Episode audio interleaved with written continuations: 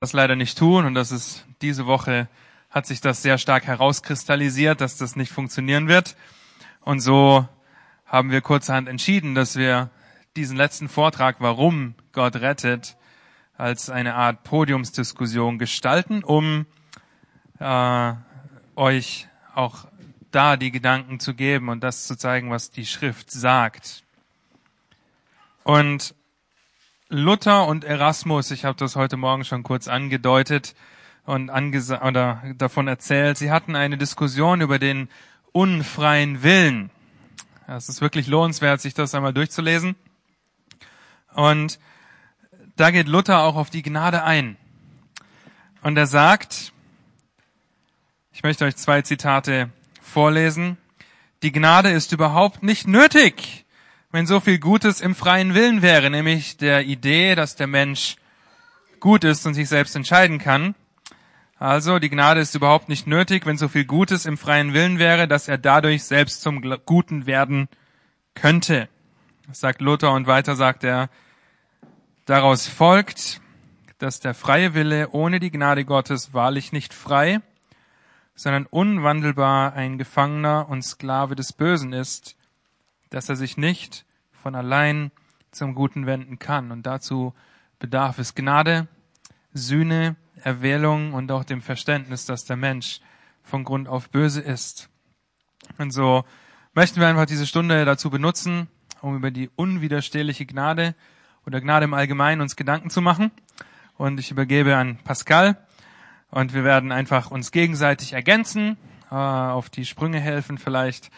Ähm, und wir hoffen euch einfach auch dadurch wirklich zu ermutigen, auf unseren großen Gott zu blicken und wirklich zu sagen, allein deine Gnade genügt. Ja, wenn man, äh, hört man mich? Eins, zwei, drei, ja, jetzt hört man mich.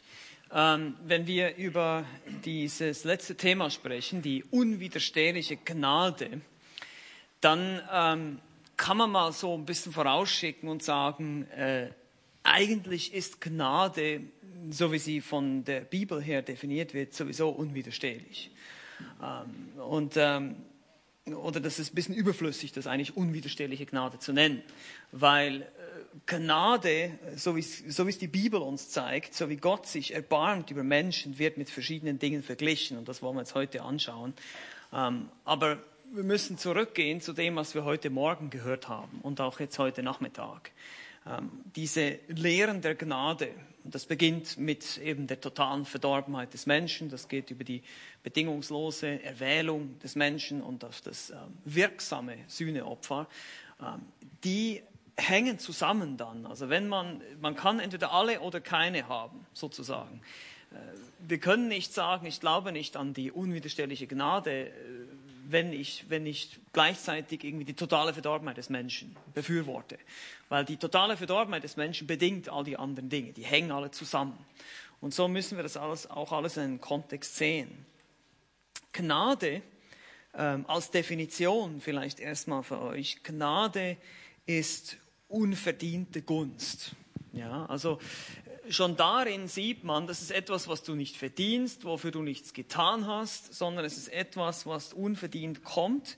Es ist abhängig alleine von Gott. Gnade ist keine Gnade, wenn der Mensch etwas dazu beitragen würde.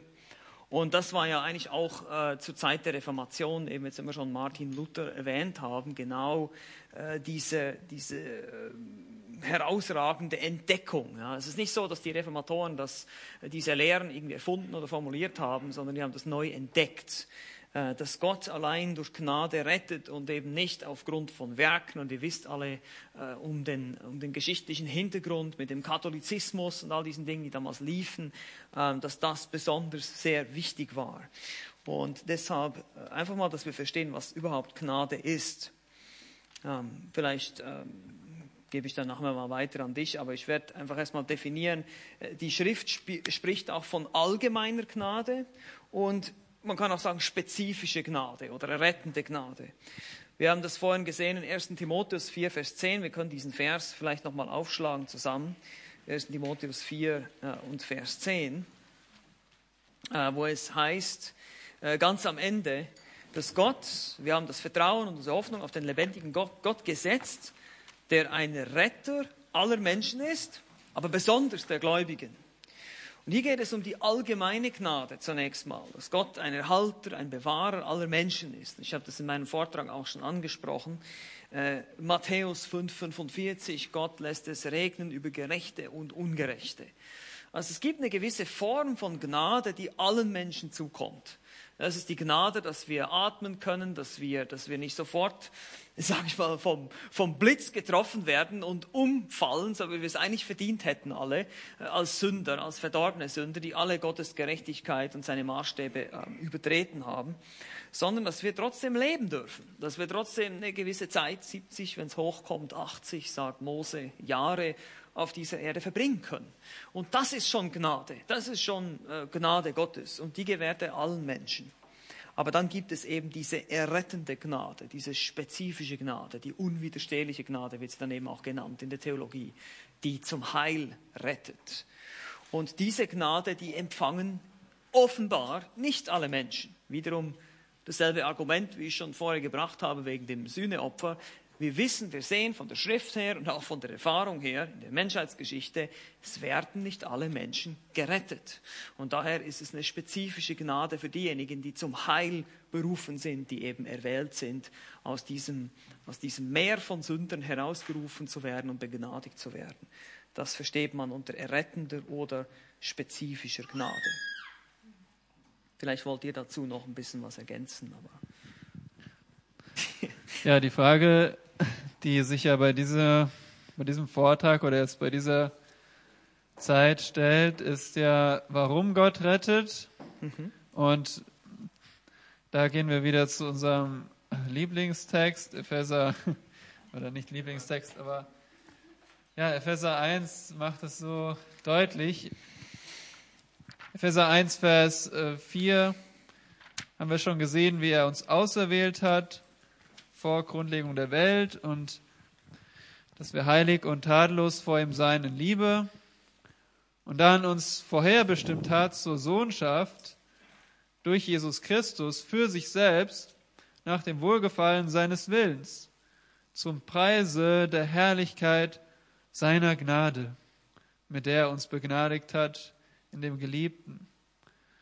Also, warum rettet Gott? Einfach, weil er gnädig ist weil er Gefallen daran hat, unverdiente Gunst zu schenken. Und das ist das Warum, warum Gott rettet. Und dann haben wir eben gesehen, dass es, ja, diese Gnade jetzt nicht jedem zuteil wird. Und deswegen unterscheiden wir zwischen gnädigen Geschenken Gottes, die jeder bekommt. Und dazu zählt zum Beispiel auch die ein, das Eindämmen der Sünde. Ja, zum Beispiel ihr Kinder unter uns, dass ihr Vater und Mutter habt, die euch versuchen, richtig und falsch beizubringen, das ist schon eine allgemeine Gnade. Dass Gott die Sünde eindämmt, weil Sünde bringt Zerstörung. Und so sind Eltern, äh, auch der Staat, ist eine allgemeine Gnade, weil Gott auch dadurch das Böse eindämmt. Natürlich so weit, wie der Staat auch Gottes Geboten äh, folgt. Und dann sehen wir auch, dass äh, ja überhaupt Dinge zu genießen ist eine Gnade. Dass wir Gesundheit genießen. Dass wir Beziehung genießen.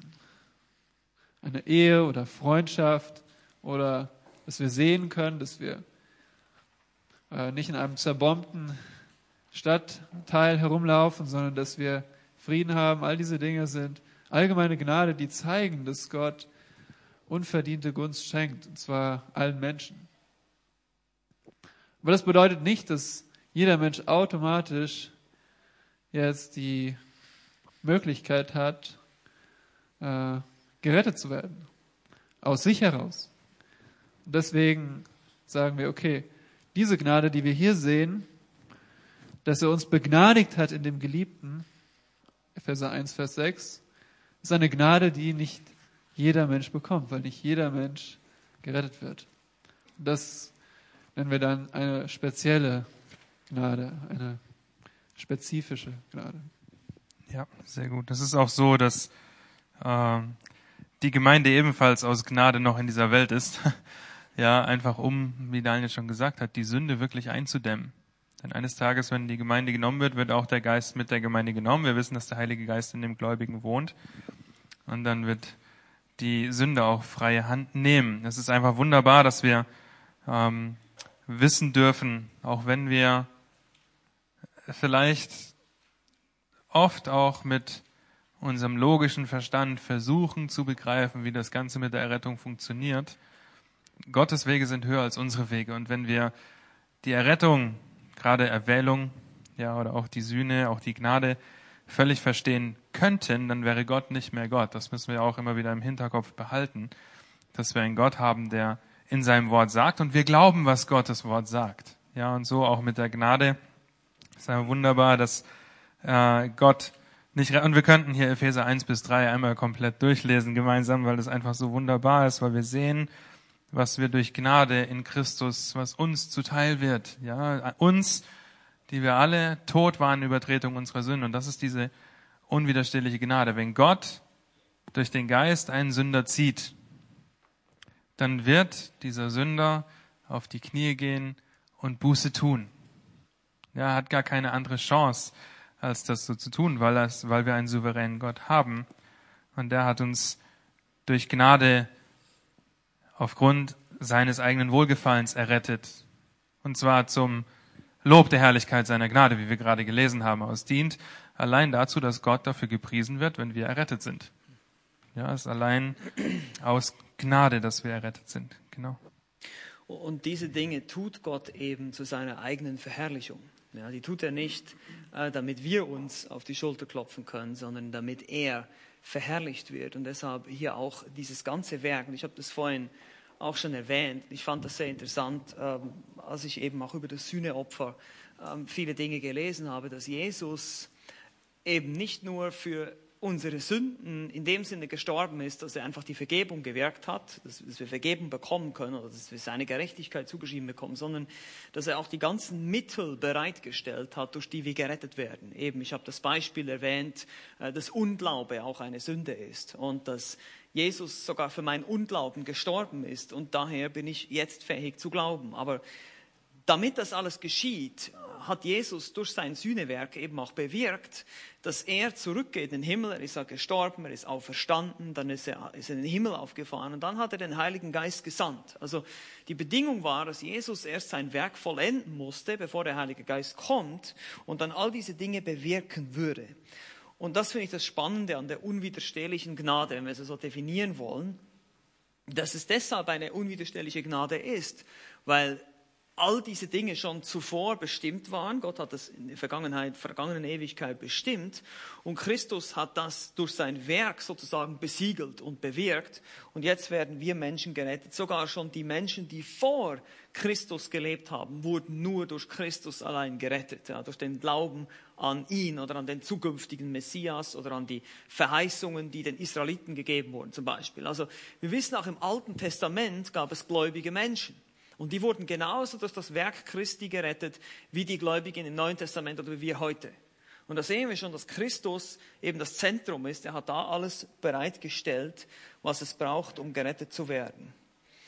Und lasst uns vielleicht einfach mal ein paar Stellen anschauen, wie diese Gnade der Rettung äh, uns äh, gezeigt wird oder porträtiert wird. Das eine ist erstmal 2. Korinther 4, könnt ihr mal aufschlagen. 2. Korinther 4.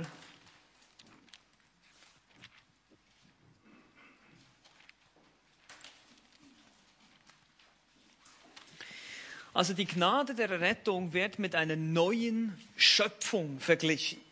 Neue Schöpfung. Okay? 2. Korinther 4, Verse 3 bis 6 sagt Paulus, wenn aber unser Evangelium verhüllt ist, so ist es bei denen verhüllt, die verloren gehen, bei den Ungläubigen, denen der Gott dieser Weltzeit die Sinne verblendet hat, so dass ihnen das helle Licht des Evangeliums von der Herrlichkeit des Christus nicht aufleuchtet, welcher Gottes Ebenbild ist.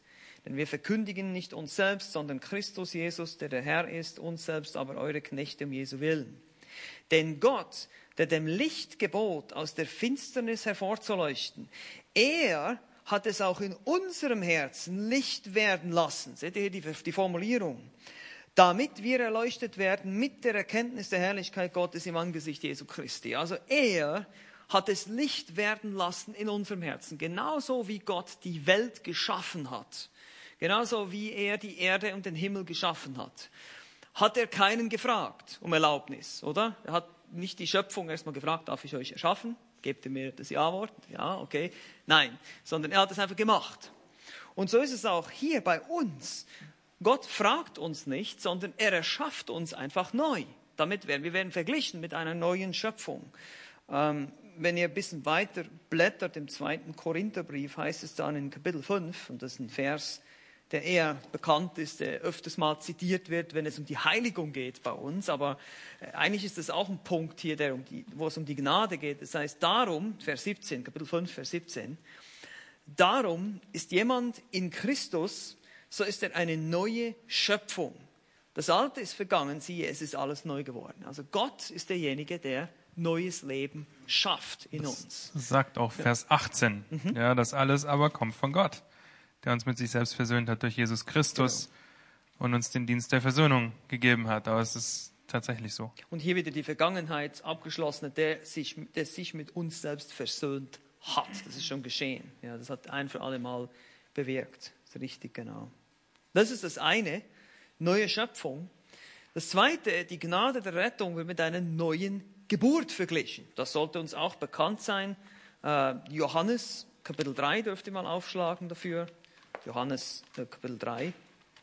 Ähm, und da kennt die Worte Jesu, ich habe das schon erwähnt in dem Vortrag an Nikodemus. Er sagt, Jesus antwortete und sprach zu ihm, und eigentlich ist es eine Antwort auf eine Frage, die Nikodemus gar nicht wirklich gestellt hat, aber wahrscheinlich in seinem Herzen war, wie er denn jetzt eben gerettet werden kann, wie er ewiges Leben haben kann, ins Reich Gottes kommen kann. Er sagt, wahrlich, wahrlich, ich sage dir, Vers 3, wenn jemand nicht von neuem geboren wird, so kann er das Reich Gottes nicht sehen. Und dann kommt die ganze Diskussion hier über wie kann jemand wieder zurück in den Schoß seiner Mutter gehen? Jesus sagt in Vers 5 nochmal, wenn jemand nicht aus Wasser und Geist geboren wird, so kann er nicht das Reich Gottes, in das Reich Gottes eingehen. Und schließlich sagt er in Vers 8, äh, der Wind weht, wo er will, und du hörst sein Sausen, aber du weißt nicht, woher er kommt und wohin er geht. So ist jeder, der aus dem Geist geboren ist. Also der Geist Gottes weht, wo er will. der Geist Gottes wird hier mit einem Wind verglichen. Ähm, Im Griechischen ist das dasselbe Wort, das ist eben interessant.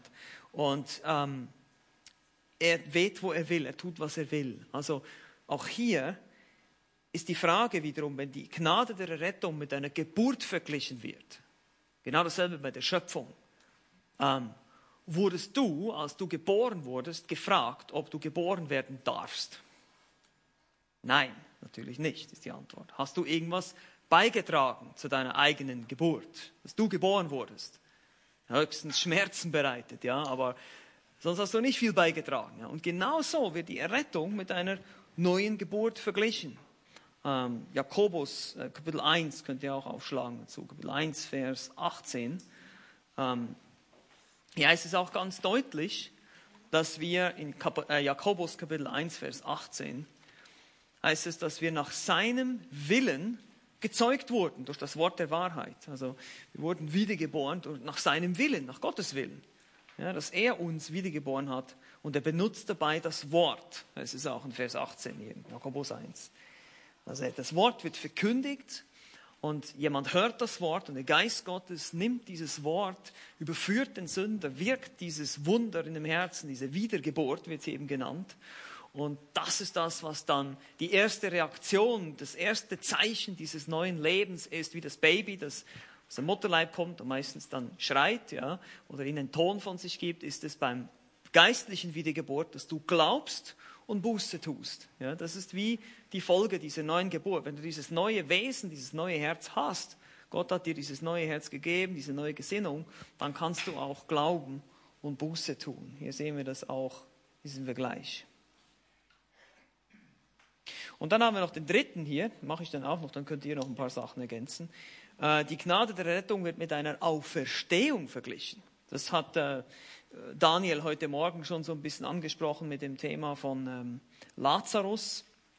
Als er aus den Toten verstanden ist, äh, konnte äh, Lazarus wurde nicht erst gefragt von Jesus, darf ich dich auferstehen lassen, sondern der arme Kerl musste nochmal zurückkommen, musste noch ein zweites Mal sterben.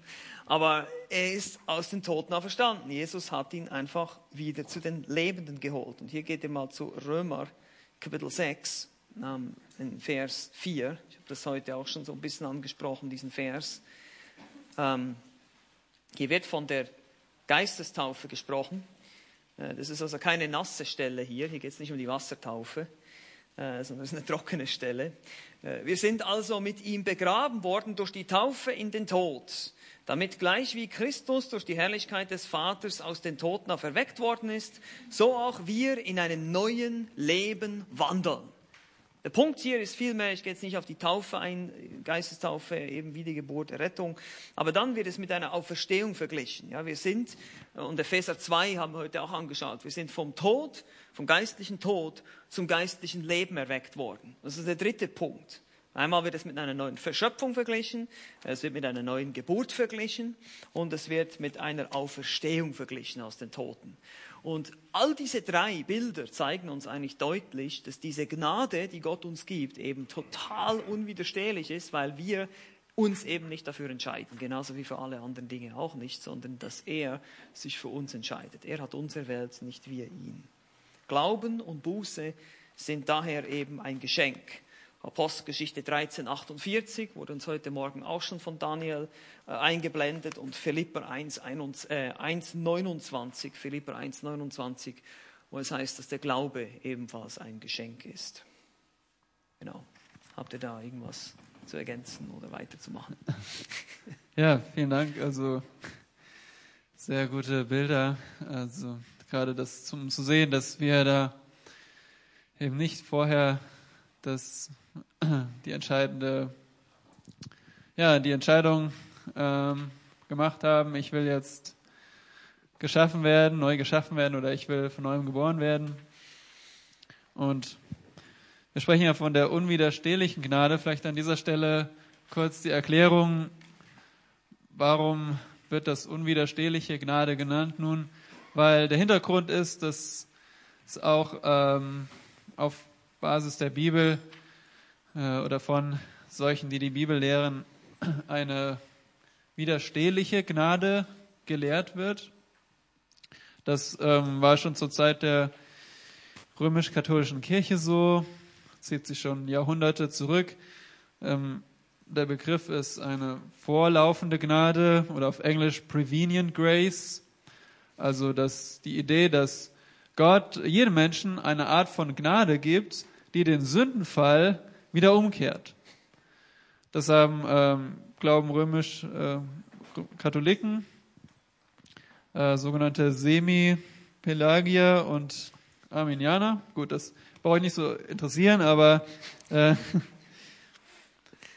somit gibt es eben keine Garantie, dass jemand sich bekehrt, weil dieser Gnade kann man widerstehen. Das ist eine, eine Idee, dass Gott jedem Menschen eine Gnade gibt, die den sogenannten freien Willen wieder herstellt, sodass jeder Mensch die Möglichkeit hat oder auch sich entscheiden kann, will ich jetzt oder will ich nicht? Will ich zu Gott kommen oder nicht? Und somit die, dieser Sündenfall umgekehrt wird. Es macht es möglich, für jeden zu glauben.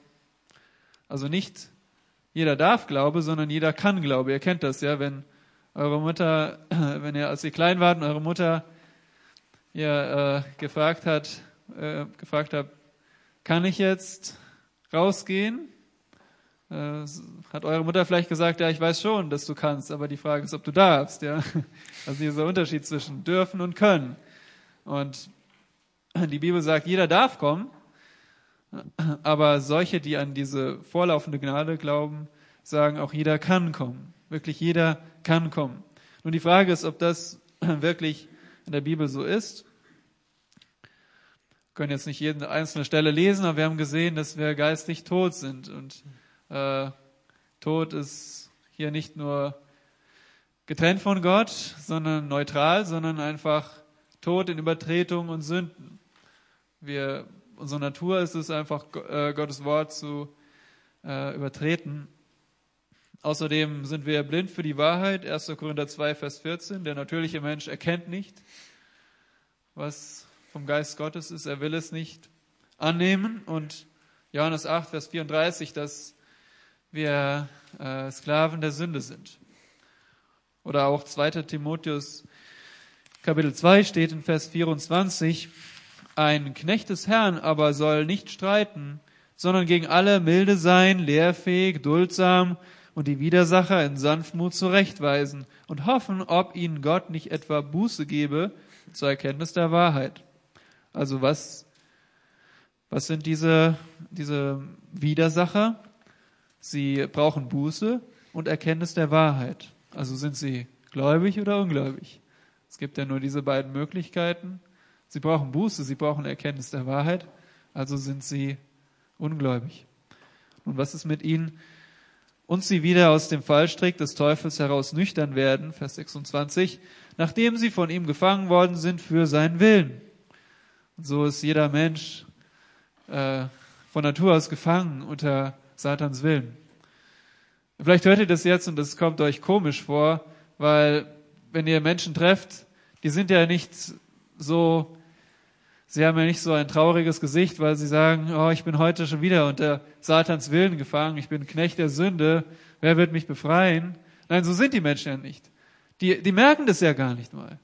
Sie sind zwar traurig über Tod und Krankheit und äh, wenn der Computer nicht funktioniert, aber äh, sie, es ist, stört sie ja nicht, dass sie geistlich gesehen Sklaven der Sünde sind. Das merken sie ja gar nicht, weil sie äh, einfach, solange sie ihre Sünde haben oder ja, sie sind ja gar nicht traurig darüber, dass sie Gott nicht haben, weil sie einfach blind sind für die Herrlichkeit Gottes. Also diese Stellen zeigen, dass äh, der Mensch, der Sündenfall eben nicht aufgehoben ist. Aber auf der anderen Seite tut Gott auch ein Werk in dem Herzen des Sünders, und das möchte ich kurz noch zeigen, zum Beispiel in Johannes 16, Vers 8 sehen wir das Werk des Heiligen Geistes, das er tut. Äh, Johannes 16, Vers 8 spricht von dem Beistand, das ist der Heilige Geist. Und wenn er gekommen ist, wird er die Welt überführen von Sünde und von Gerechtigkeit und von Gericht. Also Gott, er ist so gnädig, dass er in den Herzen wirkt. Er überführt von Sünde. Ja. Und wir haben gelesen, dass der Vater Menschen zu sich zieht.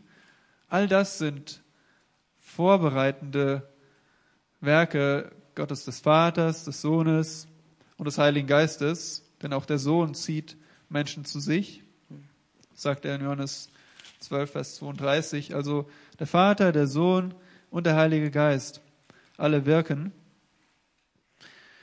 Hier heißt es in Johannes 12, Vers 32, und ich, Jesus, wenn ich von der Erde erhöht bin, werde alle zu mir ziehen. Also ihr seht, dass es gibt nicht diese äh, vorlaufende Gnade in der Schrift, dass der Sündenfall einfach für alle aufgehoben wird. Aber trotzdem wirkt Gott sogar vor der Errettung, indem er es vorbereitet, indem er überführt, indem er zieht.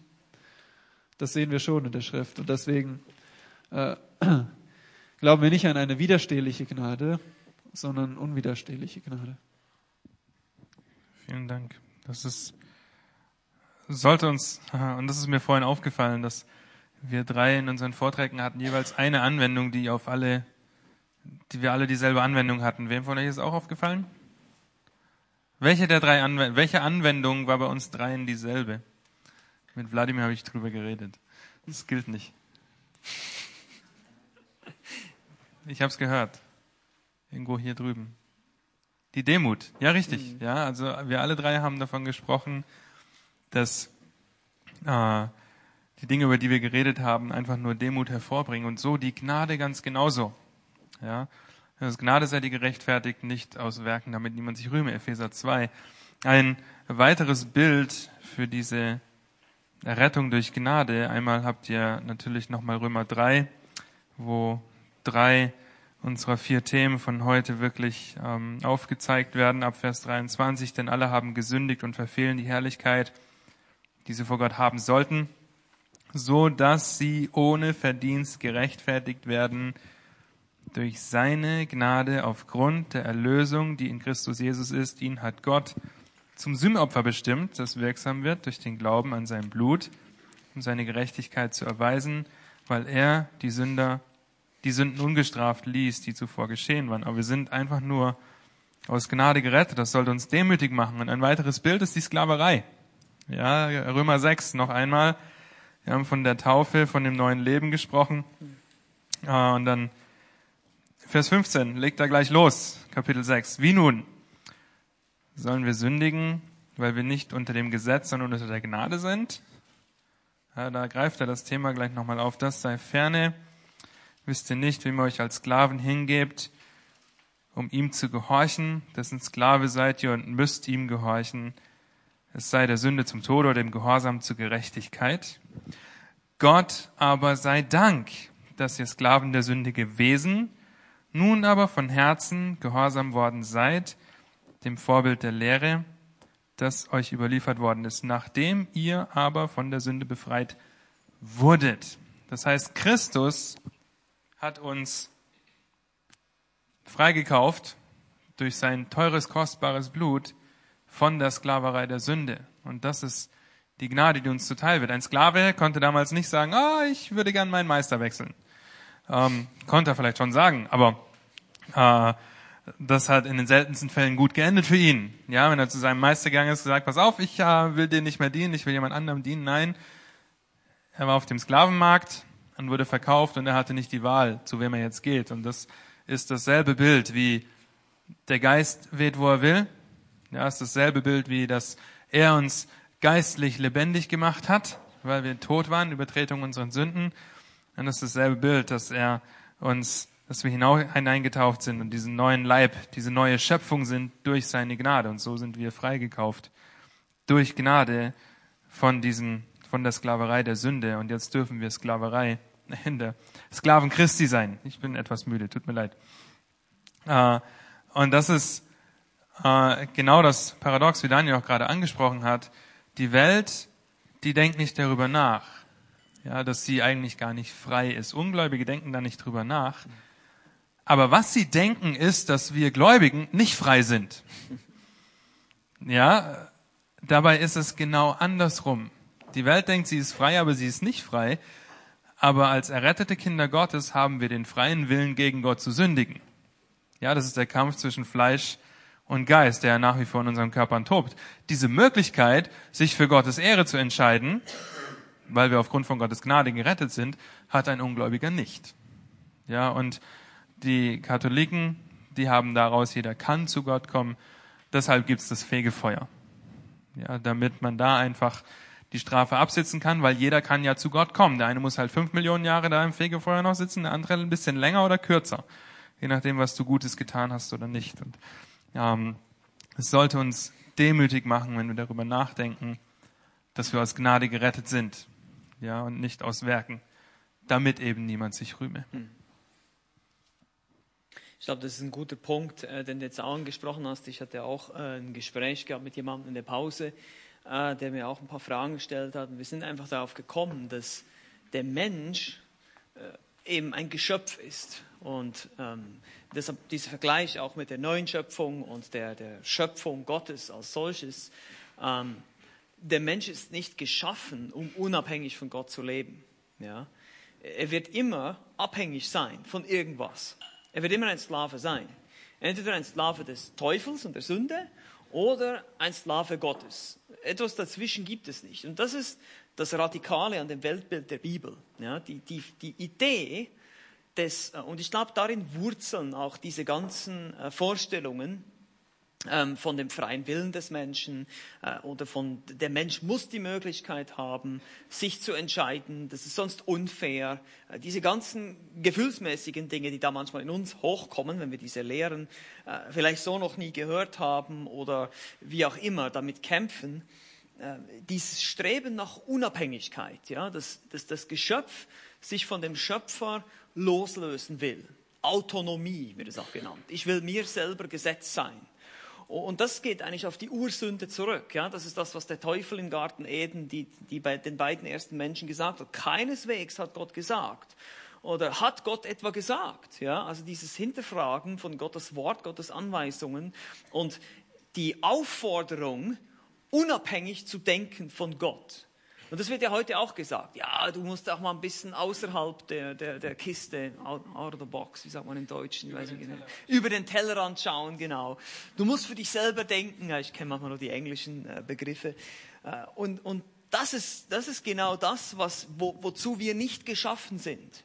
Der Mensch ist nicht geschaffen, unabhängig von Gott zu leben und zu denken, sondern wir können nur, wir dürfen nur so denken, wie Gott denkt. Er denkt uns vor. Seine Gedanken sind richtig, sie sind höher und diese Gedanken haben wir zu denken. Und wenn wir das nicht tun, dann funktionieren wir nicht richtig. Und das ist genau das, was wir in der Welt sehen. Und deshalb werden wir immer Sklaven sein, ob uns das gefällt oder nicht. Das ist einfach so. Das ist eine Realität. Und alles andere ist eine Illusion. Die, die, das freie Denken, das unabhängige Denken ist einfach eine Täuschung des Teufels. Das ist eine Lehre, die kommt direkt aus der Hölle. Das könnt ihr vergessen. Das gibt es nicht. Weil und 1. Johannes macht es ganz deutlich, Jesus macht es selber deutlich in Johannes Kapitel 8. Du bist entweder ein Kind des Teufels oder ein Kind Gottes. Es gibt nur die beiden Arten von Menschen. Es ist total schwarz-weiß. Und ähm, und deshalb, wenn die einen Kinder des Teufels sind und versklavt sind unter die Sünde, müssen sie erstmal von Gott gewirkt zum Leben erweckt werden durch diese, durch diese Gnade, die er wirkt. Und das ist einfach wichtig zu verstehen. Ähm, und deshalb sprechen wir in der Schrift, vielleicht um jetzt hier in unseren Notizen noch ein bisschen äh, voranzukommen, äh, sprechen wir auch von dem sogenannten wirksamen Ruf oder dem allgemeinen Ruf. Also wenn wir von Berufung zum Heil sprechen, was ja auch mit dieser Gnade zu tun hat. Wir werden gezogen, wir werden berufen. Und wir haben zwei verschiedene Arten von Berufung in der Schrift. Wir haben einen allgemeinen Ruf und einen wirksamen Ruf.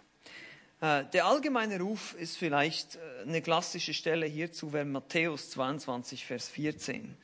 Matthäus 22, äh, 14. Vielleicht ganz kurz an der Stelle, um das zu übersetzen. Also, worüber wir jetzt sprechen, ist einfach Okay, wir haben gesehen, wir haben nicht alle die Möglichkeit, jetzt von Natur aus, können wir nicht einfach so zu, ähm, ja, zur Rettung kommen, weil wir unser Wille versklavt ist unter die Sünde. Wir wollen von Natur aus das nicht. Wir sind zufrieden ohne Gott oder mit einem anderen Gott, mit einem falschen Gott, mit einem Gott, der uns gefällt.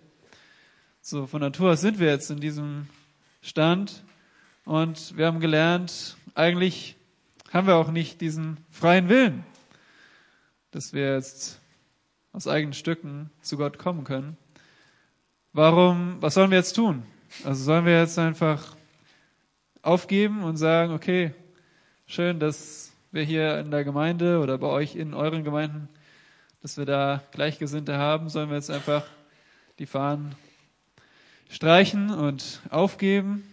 Und deswegen jetzt die Antwort nein. Wir sollen weiter das Evangelium verkünden. Wir sollen den Ruf rausbringen. Das ist mit dem Ruf gemeint, dass wir den Aufruf zur, ja, zur Umkehr, dass der weiterhin erklingen soll. Gell? Aufruf zur Buße, genau. Ja, ja. Ähm, eben, wir können, wir können hier zum Beispiel mal Matthäus 22, äh, Vers 14 anschauen, wo dieser Unterschied gemacht wird. Ähm, einige kennen diesen Vers sicher auch schon. Hier sagt Jesus, denn viele sind berufen, aber wenige sind auserwählt. Ja, also hier wird beides gezeigt. Es sind viele berufen. Das heißt, der Ruf geht aus, was Daniel vorhin gesagt hat. Der Ruf, äh, das Evangelium wird verkündigt. Der Aufruf zur Buße geht raus an die Menschen, an alle Menschen. Und das haben wir vorhin auch schon gesehen, die Erwählungslehre, äh, die Lehre der Souveränität Gottes in der Rettung, so können wir es zusammenfassen, die Souveränität Gottes in der Rettung, das beinhaltet eben die Erwählung zum Heil, weil der Mensch verdorben ist, Sühneopfer, die unwiderstehliche Gnade und auch schließlich dann auch noch das Ausharren der Heiligen. All diese Dinge ähm, sind da nicht um uns von der Evangelisation abzuhalten, nicht, äh, und auch nicht unbedingt für die Ungläubigen. Wir gehen nicht zu den Ungläubigen und sagen, okay, du musst Buße tun, wenn der Herr dich erwählt hat, das werden wir dann sehen. Ja? Das machen wir nicht, sondern überall, da hatte ich auch ein Gespräch mit jemandem in der Pause, überall, wo die Schrift über Ungläubige spricht oder dem Ruf äh, zur Evangelisation, wird immer zur Buße aufgefordert, es wird zur Entscheidung aufgefordert. Und diese Dinge sind real. Ja, das ist nicht so, dass das eben, wie gesagt, wir sind nicht Puppen, wir sind nicht Marionetten oder Roboter. Und so gibt es eben diese Stellen auch in Matthäus 11, 28, äh, wo Jesus sagt, kommt her zu mir alle, die ihr mühselig und beladen seid ähm, Lukas 5, 32, ich bin gekommen, Sünder zu rufen. Und so können, können wir verschiedene Stellen aufschlagen, in denen dieser allgemeine Ruf an die Menschen geht, äh, wo einfach aufgerufen wird zur Buße und zum Glauben. Aber dann wird von einem speziellen, von einem wirksamen Ruf gesprochen. Das ist der Ruf zum Heil. Und das ist meistens eher dann äh, tendenziell eher in den Paulusbriefen, aber natürlich auch an anderen Orten, der Apostelgeschichte zum Beispiel, wo äh, der Ruf sich auf die Vorherbestimmung gründet. Daniel hat das heute Morgen auch schon in seinem Vortrag erwähnt, äh, Römer Kapitel 8, Vers 30, um jetzt einfach einen rauszugreifen hier. Äh, es gibt viele Stellen. Und hier seht ihr schon, äh, Römer 8, Vers 30 beginnt mit der Vorherbestimmung, die er aber vorherbestimmt hat. Und dann heißt es, die hat er auch berufen. Also hier ist es nicht mehr der allgemeine Ruf. Ja? Das ist nicht mehr einfach der Aufruf, der an alle geht, sondern diese Berufung ist eine, und deshalb auch eine wirksame Berufung. Man kann auch sagen, eine unwiderstehliche Berufung, weil diese Berufung kannst du auch nicht widerstehen. Wenn du berufen wirst zum Heil, dann bist du eben einer von diesen Auserwählten, die, an denen äh, Gott wirkt, an seinem Herzen, der dann bereits von Sünde überführt wird und Buße tut und dieses Geschenk bekommt. Ähm, eine andere Stelle, die ich gerne anführe, ist 1. Korinther 1, äh, Vers 26. 1. Äh, Korinther 1, 26. Ähm, da geht es darum, dass Paulus die Korinther korrigiert, wie er es ja einen ganzen Brief macht, vor allem gegen ihre eigene Weisheit. Also die Korinther hatten viele Probleme und eins ihrer Probleme war, äh, dass sie sehr viel von Weisheit hielten. Weisheit nicht im biblischen Sinne, sondern Weisheit, die sie aus griechischer Philosophie ähm, äh, zogen, aus weltlichen Quellen und so auch zum Beispiel auf Ansehen der Person achteten und auf eben Leute, die bestimmten Philosophen anhängen. So haben sie dann auch Paulus und Apollos angefangen zu verehren. Ihr kennt die Stelle, wo er dann sagt, der eine sagt, ich bin des Paulus und der andere, ich bin des Apollos. Es gab dann so verschiedene Gruppierungen. Und Paulus will sie hier auf den Boden zurückholen und sagen in Vers 26, seht doch eure Berufung an, ihr Brüder. Und hier mit dieser Berufung meint er auch nicht, ähm, den allgemeinen Ruf, der einfach an alle Menschen geht, sondern ihr Brüder, ihr, das ist eure Berufung, die aktive Berufung zum Heil. Und dann heißt es, da sind nicht viele Weise nach dem Fleisch, nicht viele Mächtige, nicht viele Vornehme, sondern das Törichte der Welt hat Gott erwählt. Und hier kommt die Erwählungssprache. Gott hat erwählt, das Törichte der Welt, um die Weisen zu Schanden zu machen. Das Schwache der Welt hat Gott erwählt, um das Starke zu Schanden zu machen. Das Unedle der Welt und das Verachtete hat Gott erwählt und das, was nichts ist, damit er zunichte mache, was etwas ist. Also Gott erwählt oft den Schwächeren oder den Unwürdigeren oder den Unbedeutenden. Dieses Prinzip, das heißt nicht, dass keine reichen Menschen oder keine Angesehenen zum Glauben kommen können oder so, aber es sind relativ wenige. Paulus sagt ja, es sind wenige, Angesehene nach dem Fleisch, wenige Weise nach dem Fleisch, also Weise nach irdischen Maßstäben. Und diese ganze Stelle würde gar keinen Sinn machen, wenn Gott nicht erwählen würde. Und in diesem gesamten Kontext spricht Paulus eben auch zum Beispiel von der Berufung zum Heil. Das ist ein anderes Beispiel. Vielleicht wollt ihr noch ein paar Sachen ergänzen dazu, aber. Ja, ganz, ganz kurz nur. Äh, Titus, ja, zweiter Timotheus, Entschuldigung. 2. Timotheus Kapitel 2, in Vers 19. Da heißt es, aber der feste Grund Gottes bleibt bestehen und trägt dieses Siegel. Ja, und die Erwählten haben dieses Siegel bekommen. Und da heißt es, der Herr kennt die Seinen. Und hier ist natürlich im Zusammenhang damit, dass äh, Paulus Timotheus zur Heiligung aufruft. Ähm, aber es ist einfach wunderbar, dass äh, wir einen Hirten haben, der seine Schafe kennt ja, und wie du auch gesagt hast, äh, es gibt diesen allgemeinen Ruf, der für alle gilt, diese Berufung. äh, dass alle zur Buße aufgefordert werden. Ja, Jesus ist in diese Welt gekommen und nicht nur die Erwählten haben ihn gesehen, ja, oder gehört. Das wäre äh, fatal gewesen oder sehr interessant. Ich weiß nicht, wie das dann ausgesehen hätte. Ähm, sondern er ist in die Finsternis gekommen als Licht. Und was hat die Finsternis gemacht? Sie hat ihn nicht erkannt. Okay, sie hat ihn nicht akzeptiert. Äh, und so ist es einfach wunderbar auch zu sehen, wie, wie wir dazu aufgefordert werden, das Evangelium wirklich allen Nationen zu verkünden. Jesus selbst sagt das, ja, Matthäus 28, ähm, 20, 28, ja, am Schluss. Ähm, und 28, 20, Mann, ei, ei, ei. Äh, und dennoch, das ist die Aufforderung an uns alle, und dennoch wissen wir aus der Schrift, dass nur wenige auch Buße tun werden, weil der Weg schmal ist, ja, der, der in den Himmel führt. Genau, das nur ganz kurz von mir dazu. Ja, noch als Ergänzung, äh, wir sehen das nicht nur im Neuen Testament, sondern auch im Alten Testament. Wenn er so die Geschichte Israels Revue passieren lässt, äh, Gott ist ein rufender Gott. Weswegen gab es Propheten? Weil das Volk sich immer wieder von seinem Gesetz, von seinem Wort abgewendet hat und Gott hat Propheten gesandt zu Israel, um sie immer wieder zurückzurufen. Und das war wie so ein allgemeiner Ruf, wenn, man, wenn wir nur das Volk Israel betrachten.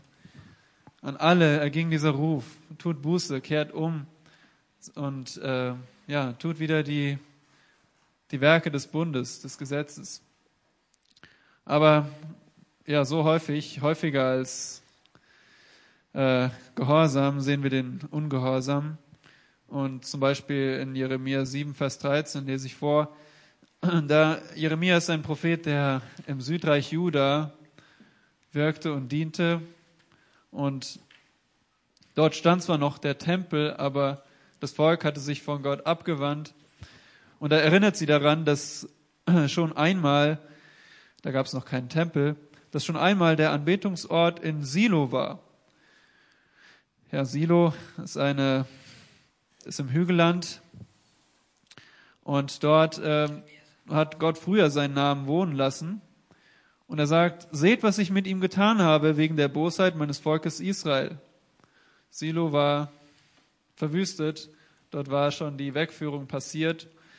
Und so sagt er ähm, hier in Vers 13, und nun, weil ihr all diese Taten getan habt, spricht Jahwe, und nicht zu euch geredet habe, früh mich aufmachen und redend, ihr aber nicht gehört habt, und ich euch gerufen, ihr aber nicht geantwortet habt, so werde ich mit diesem Haus, über dem mein Name ausgerufen ist, worauf ihr euch verlasst, und mit dem Ort, den ich euch und euren Vätern gegeben, ebenso verfahren, wie ich mit Silo verfahren bin. Also wieder dieses traurige Zeugnis, Israel hat nicht gehört.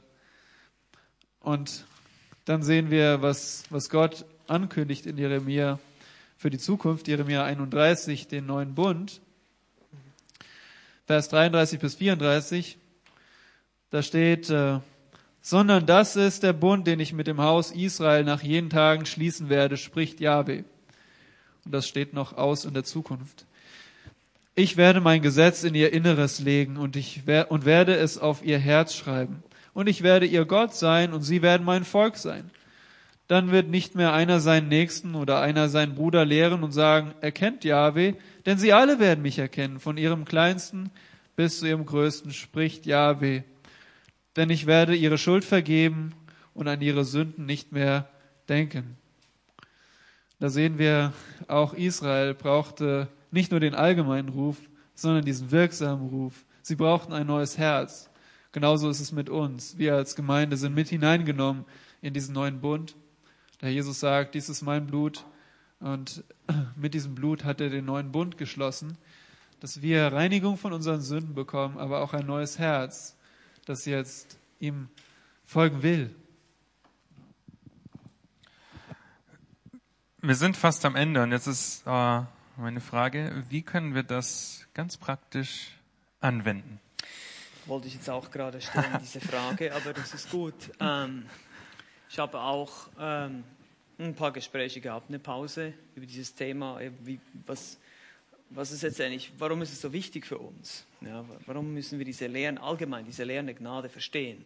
Ähm, und wir haben viele Anwendungen schon gebracht, eben Demut äh, und, und auch Heilsgewissheit oder Heilssicherheit, äh, das Dinge. Aber ich denke auch allgemein an die, an die Gemeinde und ihren Dienst als solches. Ich denke an sehr viele Dinge, die heute geschehen im Evangelikalismus, die ihre Wurzeln in einem Nichtverstehen dieser Gnadenlehren haben.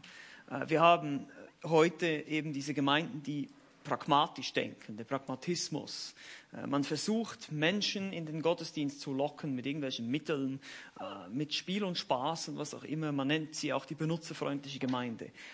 Das baut unter anderem auf dem falschen Verständnis auf, dass der Mensch eben irgendwie eine Entscheidung treffen kann, wenn man ihm das Christentum nur so attraktiv und so cool wie möglich rüberbringt.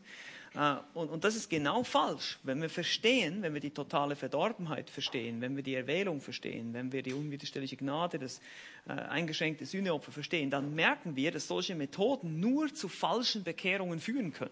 Vielleicht der eine oder der andere kommt wirklich zum Glauben, aber zu Massen produzieren wir dadurch nur oberflächliche Bekehrungen.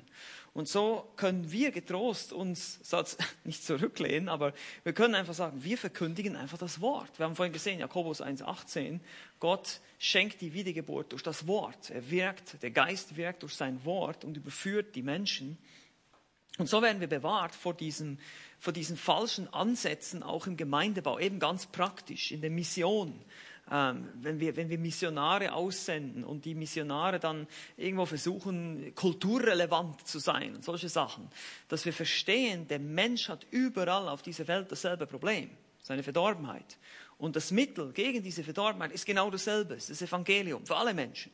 Es ist transkulturell, es geht durch alle Kulturen durch. Äh, und, und das, das müssen wir verstehen. Und ich glaube, hier wird es dann sehr praktisch, wie wir evangelisieren, äh, wie wir unsere Gemeinde Gottesdienste aufbauen, dass wir auch bei uns jetzt hier äh, das Wort Gottes predigen, dass wir es auslegend predigen, dass wir uns eben auch hier auf das Wirken des Geistes verlassen und nicht denken, wir müssen jetzt irgendwelche Gimmicks und irgendwelche Gags und was weiß ich alles anwenden, um Menschen heranzulocken, christliches Freibier, keine Ahnung was. einfach, einfach, ihr seht einfach die, die, diese Lehren, haben Implikationen, das haben Auswirkungen auf unser Leben. Wir denken anders. Äh, in meiner Kindererziehung denke ich anders. Ich verstehe, dass meine Kinder von Geburt an Sünder sind und verdorben sind und dass sie, dass sie die Wiedergeburt brauchen, dass sie nicht äh, einfach so, dass ich sie nicht zu Christen erziehen kann. Also es gibt so viele Bereiche, in die diese Gnadenlehren wirklich einen riesen Einfluss haben auf unser Leben. Und das waren jetzt nur einige Beispiele, aber einfach, äh, um euch das zu zeigen, wie, wie praktisch diese Dinge wirklich sind. Weil wir müssen verstehen, so wie wir denken, so leben wir. Ja, das, also wenn wir gesunde Lehre in unserem Kopf haben, wenn wir gesund denken, dann werden wir auch gesund leben. Jetzt wenn wir den Heiligen Geist haben natürlich. Aber wenn wir falsche Lehre in unserem Kopf haben und Dinge falsch verstehen oder nicht richtig verstehen oder noch nicht richtig verstehen, dann wird es immer Einfluss auf unsere Praxis haben, wie wir die Dinge ausleben. Ja, das wäre so ein, so ein Punkt. Ich habe da auch noch ein paar Ergänzungen dazu. Aber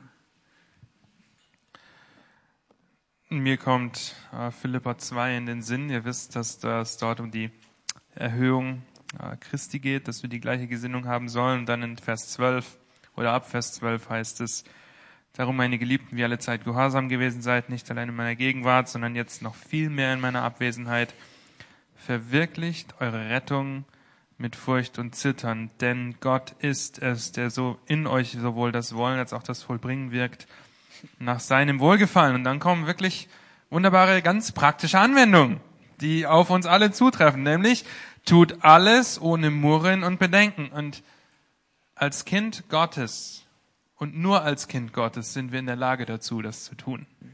Weil der Geist Gottes in uns wirkt, sowohl das Wollen als auch das Vollbringen. Und Vers 12, das bedeutet nicht, dass wir für unsere Errettung arbeiten sollen, sondern verwirklichen heißt einfach nur, lebe das aus, was in dir zum Leben gekommen ist. Okay? Wir tun die Werke nicht, weil wir dadurch errettet werden, sondern wir tun sie, weil wir errettet sind und das tun wollen. Tut alles ohne Murren und Bedenken. damit ihr unsträflich und lauter seid, untadelige Kinder Gottes, inmitten eines verdrehten und verkehrten Geschlechts, unter welchem ihr leuchtet als Lichter in der Welt. Und das geht nur durch Gottes Gnade und dadurch, dass wir das verstehen, dass wir als Kinder Gottes in der Lage sind, als Licht zu leuchten. Natürlich haben wir die Möglichkeit und fallen vielleicht auch darin, in Lästern mit einzusteigen oder uns zu beschweren, dass morgen Orkan kommen soll hier in Berlin. Oder uns darüber Gedanken zu machen, äh, wenn der Winter so hart wird, oh nein, ich fange an zu murren und gegen Gott zu klagen vielleicht, aber wir sind in der Lage durch den Geist Gottes, der in uns wirkt. Ja, weil er hat das gute Werk begonnen. Auch nochmal eine Bestätigung, dass er das begonnen hat und nicht wir und er wird es auch vollenden, Philippa 1. Und deshalb sind das wunderbare Anwendungen, alles ohne Murren und Bedenken zu tun. Das gelingt uns lang nicht immer, aber lasst uns daran denken, dass wir als Kinder Gottes die einzigen auf diesem Planeten sind, die als Licht leuchten können in der Finsternis. Keiner anderen Menschengruppe ist das möglich, auch wenn sie noch so helle Laut, äh, Lautsprecher, helle Lautsprecher, ähm, helle Lichter aufstellen. Okay? ähm, wir sind das Salz der Erde und das ist nur, weil Gott verdorbene Sünder erwählt hat, durch seinen Tod am Kreuz errettet hat, damit seine Gnade dadurch gepriesen wird. Zum Lobpreis der Herrlichkeit seiner Gnade und nicht aus Werken, damit niemand sich rühme. Ja, Demut, Evangelisation und das Anwenden der Schrift und der Aufforderung der Schrift, das ist nur durch Gnade überhaupt möglich, dass wir das tun können. Und deshalb, ihr seid eine neue Schöpfung, wenn ihr Kinder Gottes seid, also verhaltet euch auch so. Ja, Amen. Mir fällt nicht, äh, mir fällt nicht äh, viel Schlaues jetzt mehr ein, aber so mein spontaner Gedanke ist einfach Gottes Ehre.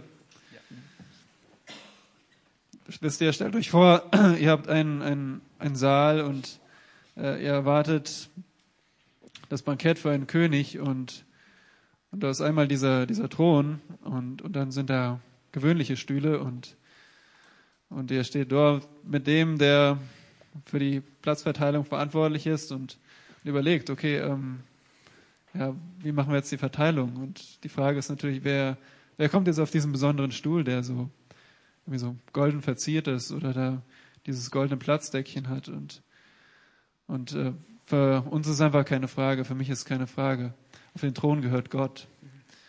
Er, ihm gebührt die höchste Ehre. Und deswegen müssen wir diese Dinge richtig hinkriegen oder salopp gesagt, wir müssen es, wir müssen richtig liegen. Gerade bei der Errettung. Und wir können richtig liegen. Wisst ihr, was hier, was wir machen, wenn wir die Bibel aufschlagen, ist nicht, okay, wir geben euch eine, die tausend und erste Meinung über diese Texte. Christliche Erkenntnis, äh, Lehre bedeutet, wir können wissen, was die Wahrheit ist. Sonst ist diese ganze Übung hier umsonst. Wir können die Wahrheit erkennen, weil sie ist geoffenbart. Wir, wir sehen sie vielleicht nicht auf den ersten Blick. Wir müssen natürlich ein bisschen studieren. Wir müssen uns fragen, was ist die ursprüngliche Absicht des Autoren, aber wir können die Wahrheit erkennen. Lasst sie uns erkennen. Lasst sie uns von ganzem Herzen suchen. Und ich und wir sind überzeugt, dass die Wahrheit ist, dass der Mensch wirklich nicht auf den Thron gehört. Er ist nicht der entscheidende Faktor bei der Errettung. Es ist Gott in allen Schritten. Und letztendlich, äh, Pascal hat es schon gelesen, zweiter Grund der Kapitel 4, die Errettung ist wie eine neue Schöpfung. Gott lässt das Licht aufleuchten. Was dann passiert, ist zum Lichtglanz der Erkenntnis der Herrlichkeit Gottes im Angesicht Jesu Christi. Die Errettung führt dazu, dass wir Herrlichkeit erkennen. Etwas, das für uns natürliche Menschen einfach nicht sichtbar ist. Jesus Christus, so wie er in der Schrift gezeigt wird, ist nicht attraktiv. Er war für die Pharisäer nicht attraktiv. Er war für die Menschen nicht mehr attraktiv, als er nicht mehr Brot brachte, sondern am Kreuz hing. Aber der Mensch, der errettet wird, sieht auf einmal die Herrlichkeit.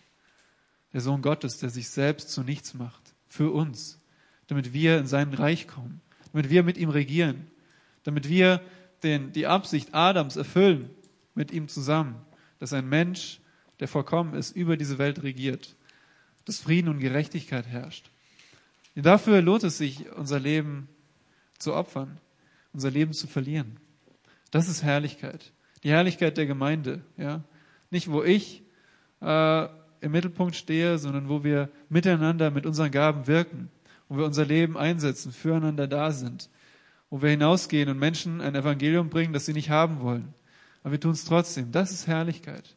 Und diese Herrlichkeit sehen wir nur, wenn Gott in unserem Herzen wirkt. Und letztendlich soll alles zu seiner Ehre gereichen. Und das, deswegen wollen wir es richtig haben.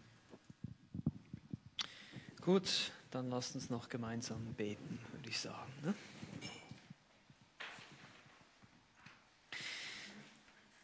Großer Gott und lieber Vater, wir danken dir für all diese überwältigenden und wunderbaren Wahrheiten aus deinem Wort. Äh, letztlich dient alles zu deiner Ehre und Verherrlichung, wie wir es jetzt gerade noch gehört haben.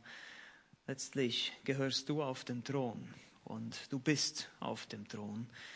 Ähm, wir sind nur in unserer Sündhaftigkeit und Verdorbenheit zugeneigt, äh, dich vom Thron stoßen zu wollen, auch in unserem Leben und eben unabhängig zu leben. Herr, vergib uns und hilf uns, ähm, zurückzukommen zu dir äh, zu den gesunden, den richtigen, den wahren Gedanken, die du für uns äh, in deinem Wort geoffenbart hast, dass wir unser Leben danach ausrichten, dass wir als deine Geschöpfe ähm, so leben, dass wir dir die Ehre geben, dass deine Eigenschaften, deine Vollkommenheiten sich in unserem Wesen widerspiegeln, dass deine Eigenschaften äh, immer mehr zur Geltung kommen in unserem Leben, weil du uns veränderst durch deinen Geist, weil du ein, ein wunderbares Werk tust in jedem Einzelnen, der dir nachfolgt. Danke für diesen Tag. Bitte hilf uns, diese vielen, vielen Informationen auch zu verarbeiten, dass wir darüber nachdenken, dass es noch unsere Gedanken füllt, noch lange, äh, wir über die Gnade, die Größe deiner Gnade und Liebe, äh, die du vor allem auch für die Erwählten, für die Gläubigen hast, ähm, nachdenken und sehen, was für ein großer, wunderbarer und erhabener Gott du bist. Wir preisen dich dafür, wir beten dich an und äh, befehlen uns dir an für diesen Abend, auch für die Nacht. In Jesu Namen. Amen. Amen. So, bevor ihr jetzt alle aufsteht und weggeht, möchte ich einfach noch kurz ein Dankeschön aussprechen. Einmal an die Organisation des Ganzen. Ihr seid wunderbar verköstigt worden, nehme ich an. Äh, habt Getränke gehabt, konntet an Tischen sitzen. Wir haben Musik haben können und das ist einfach wunderbar und vielleicht können wir da ein Danke geben. Wir haben Technik, Techniker. Was wäre, was wären wir ohne unsere Techniker? Ja, äh, das ist einfach wunderbar. Vielen, vielen Dank.